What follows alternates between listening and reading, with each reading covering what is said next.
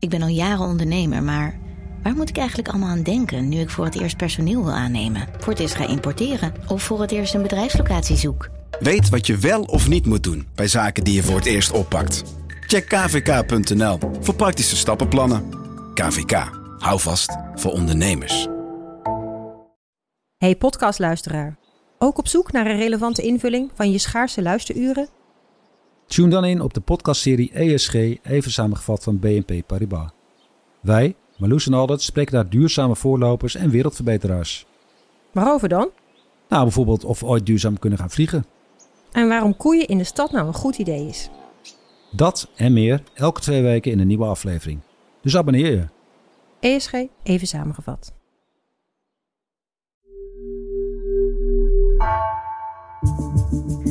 Vanaf de redactie van NRC het verhaal van vandaag. Mijn naam is Floor Boon.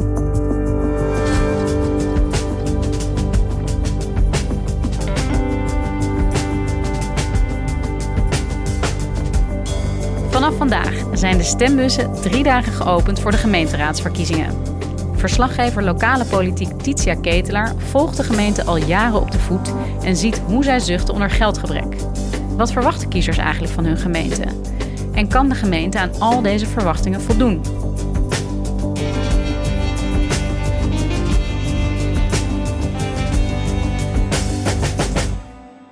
We zijn niet raadslid geworden om de stad kapot te bezuinigen. Kijk, er is natuurlijk altijd een conflict tussen de een die wil uh, 3 miljoen extra voor het museum en de ander die denkt van ik heb liever boa's. Ja. That's life. Dit is uh, Marijke van der Meer, raadslid van de lokale partij Zo Zoetermeer. Ze is al 22 jaar raadslid en uh, ze is een van de langstzittende raadsleden in Zoetermeer. Op het moment dat er helemaal geen geld is en je moet gewoon alleen maar schappen, schappen, schappen, schappen, dan kies je niet meer voor iets wel en iets niet, maar je kiest alleen maar voor wat nog meer niet, wat nog meer niet. Samen met een collega raadslid van CDA en VVD is zij Raden in Verzet begonnen. Waarom? Omdat ze buikpijn krijgt van alle beloftes die er nu in de verkiezingscampagne zijn, omdat er eigenlijk geen geld is. Dus je houdt eigenlijk ook niks meer over als raad van wat je nou van je idealen kan doen. Ja, want Raden in Verzet, dat, de naam zegt het al een beetje. Uh, wat is het precies? Dat is een groep die zij oprichten en die inmiddels in het hele land uh, raadsleden achter zich heeft geschaard. Van raadsleden die zeggen: wij, wij zijn niet raadslid volksvertegenwoordiger geworden om onze gemeente kapot te bezuinigen. Want hoe erg is het? Hoe erg zijn de financiële problemen van gemeenten? Accountantskantoor BDO heeft berekend dat 1 op de 5 gemeenten zulke structurele financiële tekorten heeft dat ze niet aan hun verplichtingen kan voldoen. 1 op de 5 gemeenten. 1 op de 5 gemeenten. Onze burgers die denken dat wij stomme, stomme raadsleden zijn en dat wij niet kunnen regelen dat het onderhoud van de stad oké is. En wij krijgen niet voor het voetlicht hoe klem we zitten qua financiën. Ja, want Titia, vanaf vandaag kunnen we gaan stemmen. Uh, het is nog steeds een beetje gek, uh, overgehouden aan de pandemie, dat uh, de stembussen drie dagen open zijn. Maar de gemeenteraadsverkiezingen zijn van start. Waar gaan we voor stemmen? Waar gaat de gemeente over? Zodra je de voordeur uitstapt, begint de lokale politiek. Dus het gaat over het onderhoud van jouw straat. Het gaat over de kap van bomen. Het gaat over een flat die er wel of niet komt. Het gaat over een school die er wel of niet komt. Hou jij van uh, lekker nachtleven? De gemeente gaat over de tijden waarop cafés open mogen zijn. Hou jij van rust? Nou, de gemeente gaat ook over het onderhoud van het park. En sinds 2015 is er iets veranderd sinds die tijd gaan gemeenten over veel grotere onderwerpen ook. Dus wij noemen dat het sociaal domein. Dat is jeugdzorg, ouderenzorg, arbeidsparticipatie. En in de toekomst gaat de gemeente ook steeds meer over klimaatbeleid, energietransitie en woningbouw. Dus echt een grote opgave waar we als land voor staan. En we hoorden net uh, raadslid Marijke van der Meer. En zij vertelde ook dat ze klem zit qua financiën. Om even ja, heel erg basis te beginnen. Maar waar krijgen gemeenten hun geld vandaan? Nou, de meeste burgers, inwoners, denken dat dat komt uit lokale belastingen. In het voorjaar krijgen we allemaal onze belastingaangifte van de gemeente. En dat gaat dan over rioolheffing, afvalstoffenheffing. En als je een eigen huis hebt, over onroerend zaakbelasting, OZB. Dat is maar 10% van de inkomsten van de gemeente. 65% komt van het Rijk. Dat is een pot zakgeld, die we het gemeentefonds noemen. En een pot met specifieke uitkeringen, bijvoorbeeld aan de bijstand. En om hoeveel geld gaat dat precies? Dat is in het totaal 63 miljard voor 345 gemeenten. En dan komen we eigenlijk bij de vraag van het klem zitten. Want is dit dan niet voldoende geld voor gemeenten om al die taken uit te voeren? Ik vertelde net dat in 2015 gemeenten dus extra grote taken erbij hebben gekregen. Daar hebben ze geen extra geld voor bij gekregen. Dus met dezelfde pot moesten ze eigenlijk meer doen. Daar kwam bij dat bij de jeugdzorg met name er meer jongeren zorg nodig hadden dan iedereen ooit begroot had. En de jongeren hebben ook langdurigere zorg nodig vaak. En ja, zo zijn gemeenten klem komen te zitten. Maar ze hebben natuurlijk een zorgplicht. Je wil een kind niet in de kou laten staan. Dus ze zijn gaan bezuinigen op allerlei andere dingen waar ze wel op konden bezuinigen. Het zwembad, subsidie voor cultuur, subsidie voor sportverenigingen, het groenonderhoud. Misschien wordt in jouw gemeente het afval niet meer iedere week opgehaald, maar één keer in de twee weken. Daar zitten ze klem. Die tekorten die, waren niet meer op te lossen. We hadden ook al een aantal dingen gehad dat we bijvoorbeeld extra BOA's alleen maar voor vier jaar hadden genomen. Omdat we niet wisten hoe het daarna zou gaan. En dat is natuurlijk heel vervelend, want die mensen die kan je dus niet in vaste dienst nemen. Nou ja, en zo heb je het met het personeel in de bibliotheek als de subsidies niet duidelijk zijn. En noem alles maar op. Dus de ruimte om te bezuinigen halen ze uit ja, de voorzieningen die voor iedereen gelden, om maar te kunnen zorgen voor de mensen die dat heel erg nodig hebben. Ja. Maar dit uh, veranderde in 2015. We zitten inmiddels in 2022. Ja, is er inmiddels niet iets veranderd? Is er niet een soort besef doorgedrongen dat gemeenten daar meer geld voor nodig hebben? Ja, op lokaal niveau zeker. En uh, je zag dat in 2015 had nog niet iedereen het meteen door, maar in 2017 wel.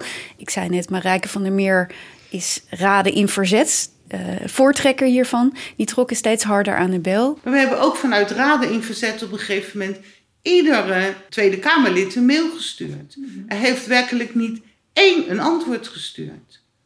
Niet één. De ruzie tussen het Rijk, die dus te weinig geld gaf, en gemeenten uh, liep zo hoog op dat ze bij een arbitragecommissie kwamen. Dus een soort strijdsrechter om te bepalen wie er nou gelijk had. En uh, die arbitragecommissie zei: Het klopt, gemeente moet er eigenlijk 1,3 miljard euro bij krijgen. Oké, okay, dat klinkt als een goed begin. Is het ook voldoende? Nou, is het voldoende? Uh, gemeenten willen natuurlijk altijd meer geld. Het Rijk zegt: jullie moeten eerst hervormen. En er is eigenlijk nog een padstelling. Want um, in het regeerakkoord staat eigenlijk dat vanaf 2025 er opnieuw op de jeugdzorg bezuinigd gaat worden. Ja, want even, als je het even zo samenvat, dan hebben gemeenten dus eigenlijk veel te weinig geld voor de taken die ze moeten uitvoeren.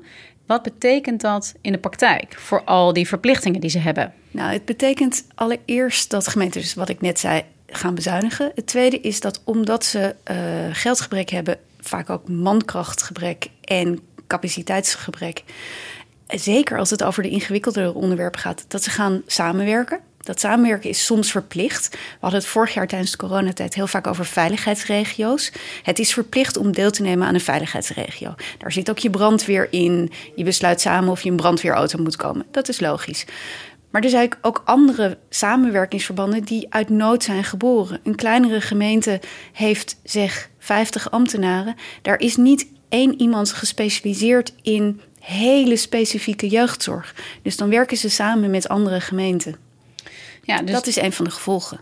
Hoe kan dat dan eigenlijk dat die gemeenten al zo lang eigenlijk structureel veel te weinig geld krijgen? Dit is toch ook wel een bekend probleem in Den Haag? Dat zou je denken en dat zeggen raadsleden ook vaak en lokale bestuurders. Hoe kan het dat dit niet doordringt tot de landelijke politiek?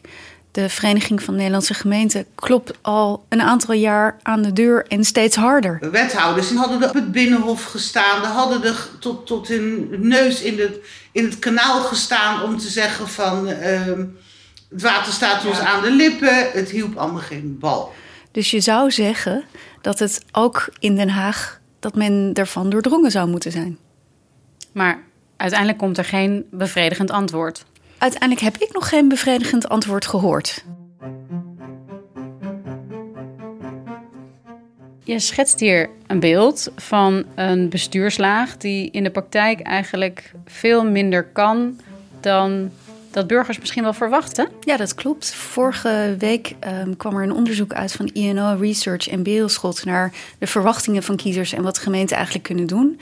Blijkt dat kiezers hele hoge verwachtingen hebben en dat gemeenten daar steeds minder aan kunnen voldoen omdat ze dus gebonden zijn aan landelijke regels, aan verplichte samenwerkingsverbanden en dus ook nog geldgebrek hebben.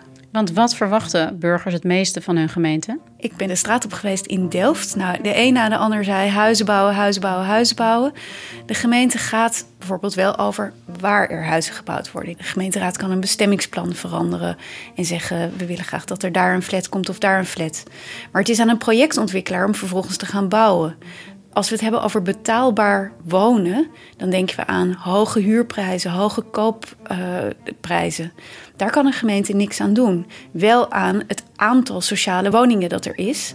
Maar dan moet een gemeente eisen stellen aan een projectontwikkelaar en zeggen: Wij willen dat jij per se in deze flat 30% sociale woningbouw bouwt. En als de projectontwikkelaar zegt: Nou ja, dan bouw ik niet. Ja, dan heb je pech. En zoiets als wonen, hadden burgers altijd al de hoogste verwachtingen van hun gemeente op dit vlak? Of is daar iets veranderd? Er zijn twee dingen veranderd. Eén, door het geldgebrek hebben gemeenten veelal hun eigen gronden al lang verkocht om geld binnen te krijgen. Dus daar beschikken ze niet meer over, zodat ze zelf kunnen bouwen. En het tweede is, er is een woningnood op het moment. En gemeenten hebben uh, weinig touwtjes om aan te trekken. En zeker als het gaat over de bestaande woningvoorraad, ja, dan kan een gemeente wel bijvoorbeeld regels voor Airbnb-verhuur opleggen.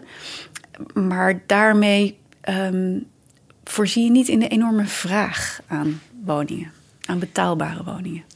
En Titia, jij noemde al een paar keer 2015 als een kanteljaar, waarin uh, die grote taken van jeugdzorg, maar ook ouderenzorg zijn overgeheveld van het Rijk naar die gemeente. Waarom is daar toen toe besloten? Waarom moet dit worden uitgevoerd door ja, die lokale bestuurslaag? Gemeenten zien zichzelf heel graag als de eerste overheid. Dus de overheidslaag die het dichtst bij ons als burgers is. Wij zijn met hele romantische ideeën van start gegaan in 2015. Van we gaan dat niet bureaucratisch organiseren. We gaan, de kinderen mogen gewoon naar een opvoedbureau. En dat opvoedbureau, die mogen zoveel sessies doen. Zonder indicatie, kunnen gelijk aan de slag, hoeft er niet gewacht te worden. En dan uh, hopen we dat het daarmee is opgelost. Klaar is Kees. En stuur de rekening maar naar ons. En het was ook wel logisch. Een gemeente weet precies in welke wijk er meer aandacht nodig is en in welke wijk minder. Die ziet burgers ook letterlijk bij het loket. Kan snel ingrijpen. Dus het idee was, ze staan zo dicht bij de burger dat er lokaal maatwerk gevoerd kan worden. Dus het leek heel logisch.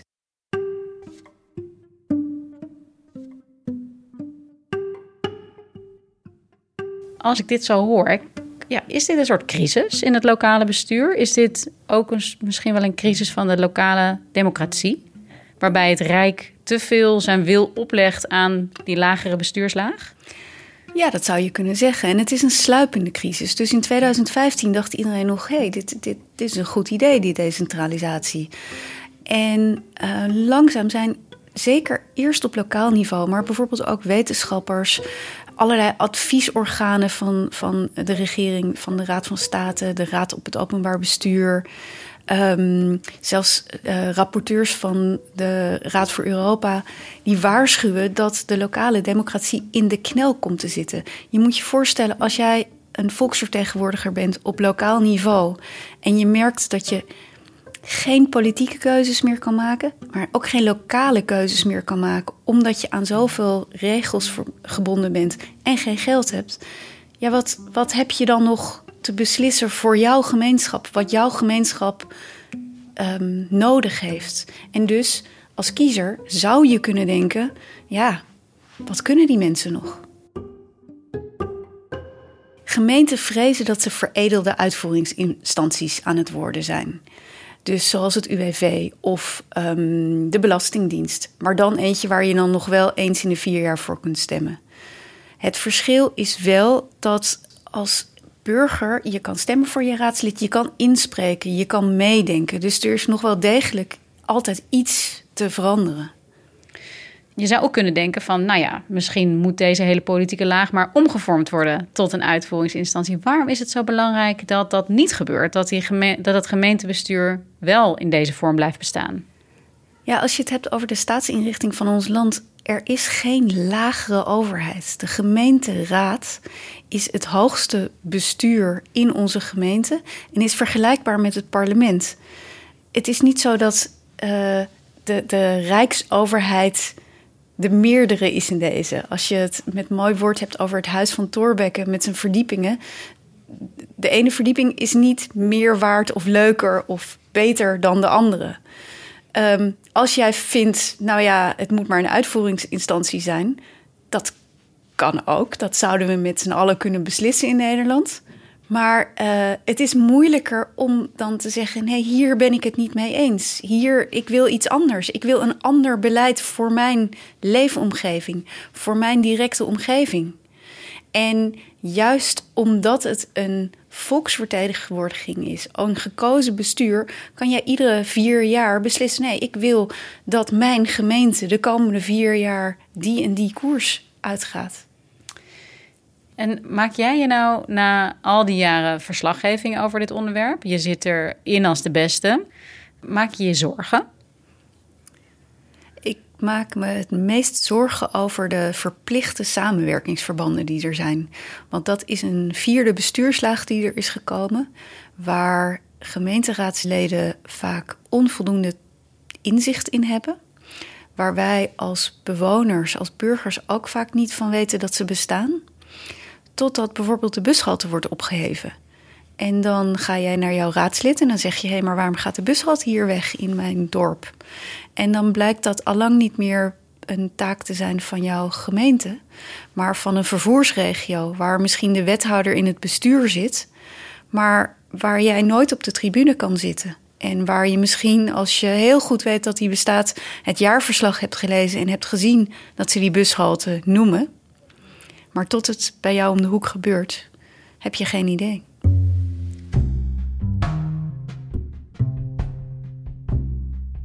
En hoe kijken burgers hiernaar? Wat is jouw indruk? Hoe belangrijk vinden zij dat er wel iets te kiezen is? Dat ze wel mee kunnen doen uh, en dat er een levendige lokale democratie bestaat? Nou, de opkomst bij lokale verkiezingen, bij gemeenteraadsverkiezingen, is niet hoog, om eerlijk te zeggen. Maar het vertrouwen in de lokale politiek is wel het hoogste van alle instanties die we hebben. Dus burgers vertrouwen hun lokale politici, hun gemeenteraden, meer dan Tweede Kamerleden. En het is belangrijk om te kunnen kiezen. Uh, mensen willen ook graag iets te kiezen hebben. En tegelijkertijd zeg jij, uh, wordt dat steeds moeilijker. Omdat al die raadsleden zich dus opgeslokt worden door uh, bezuinigingen en extra taken die ze moeten uitvoeren vanwege het Rijk. Hoe kan Nederland er nou voor zorgen dat die raadsleden gewoon wel kunnen doen wat ze moeten doen? Ja, juist door um, naar de stembus te gaan. Door gemeenten en raadsleden het vertrouwen te geven als kiezer dat jij het belangrijk vindt. Wat er met jouw leefomgeving gebeurt. Wat er in jouw gemeente gebeurt. En dat kan vanaf vandaag. Drie dagen is de stembus open. Dankjewel, Titia. Alsjeblieft. Ja, voor wie meer wil horen over alles wat er met gemeentepolitiek te maken heeft, kan ook luisteren naar een special van onze politieke podcast Haagse Zaken, gemaakt door onder andere Titia. Ja, lokale zaken en morgen is de laatste aflevering.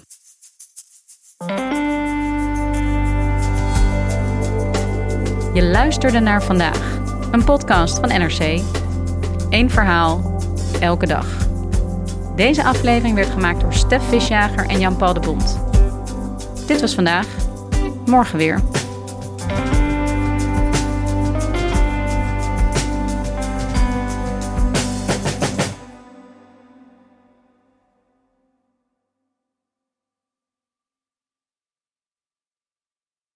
Technologie lijkt tegenwoordig het antwoord op iedere uitdaging. Bij PwC zien we dit anders. Als we de potentie van technologie willen benutten, kunnen we niet zonder een menselijk perspectief. Human-led, tech-powered noemen we dat. Ga naar pwc.nl.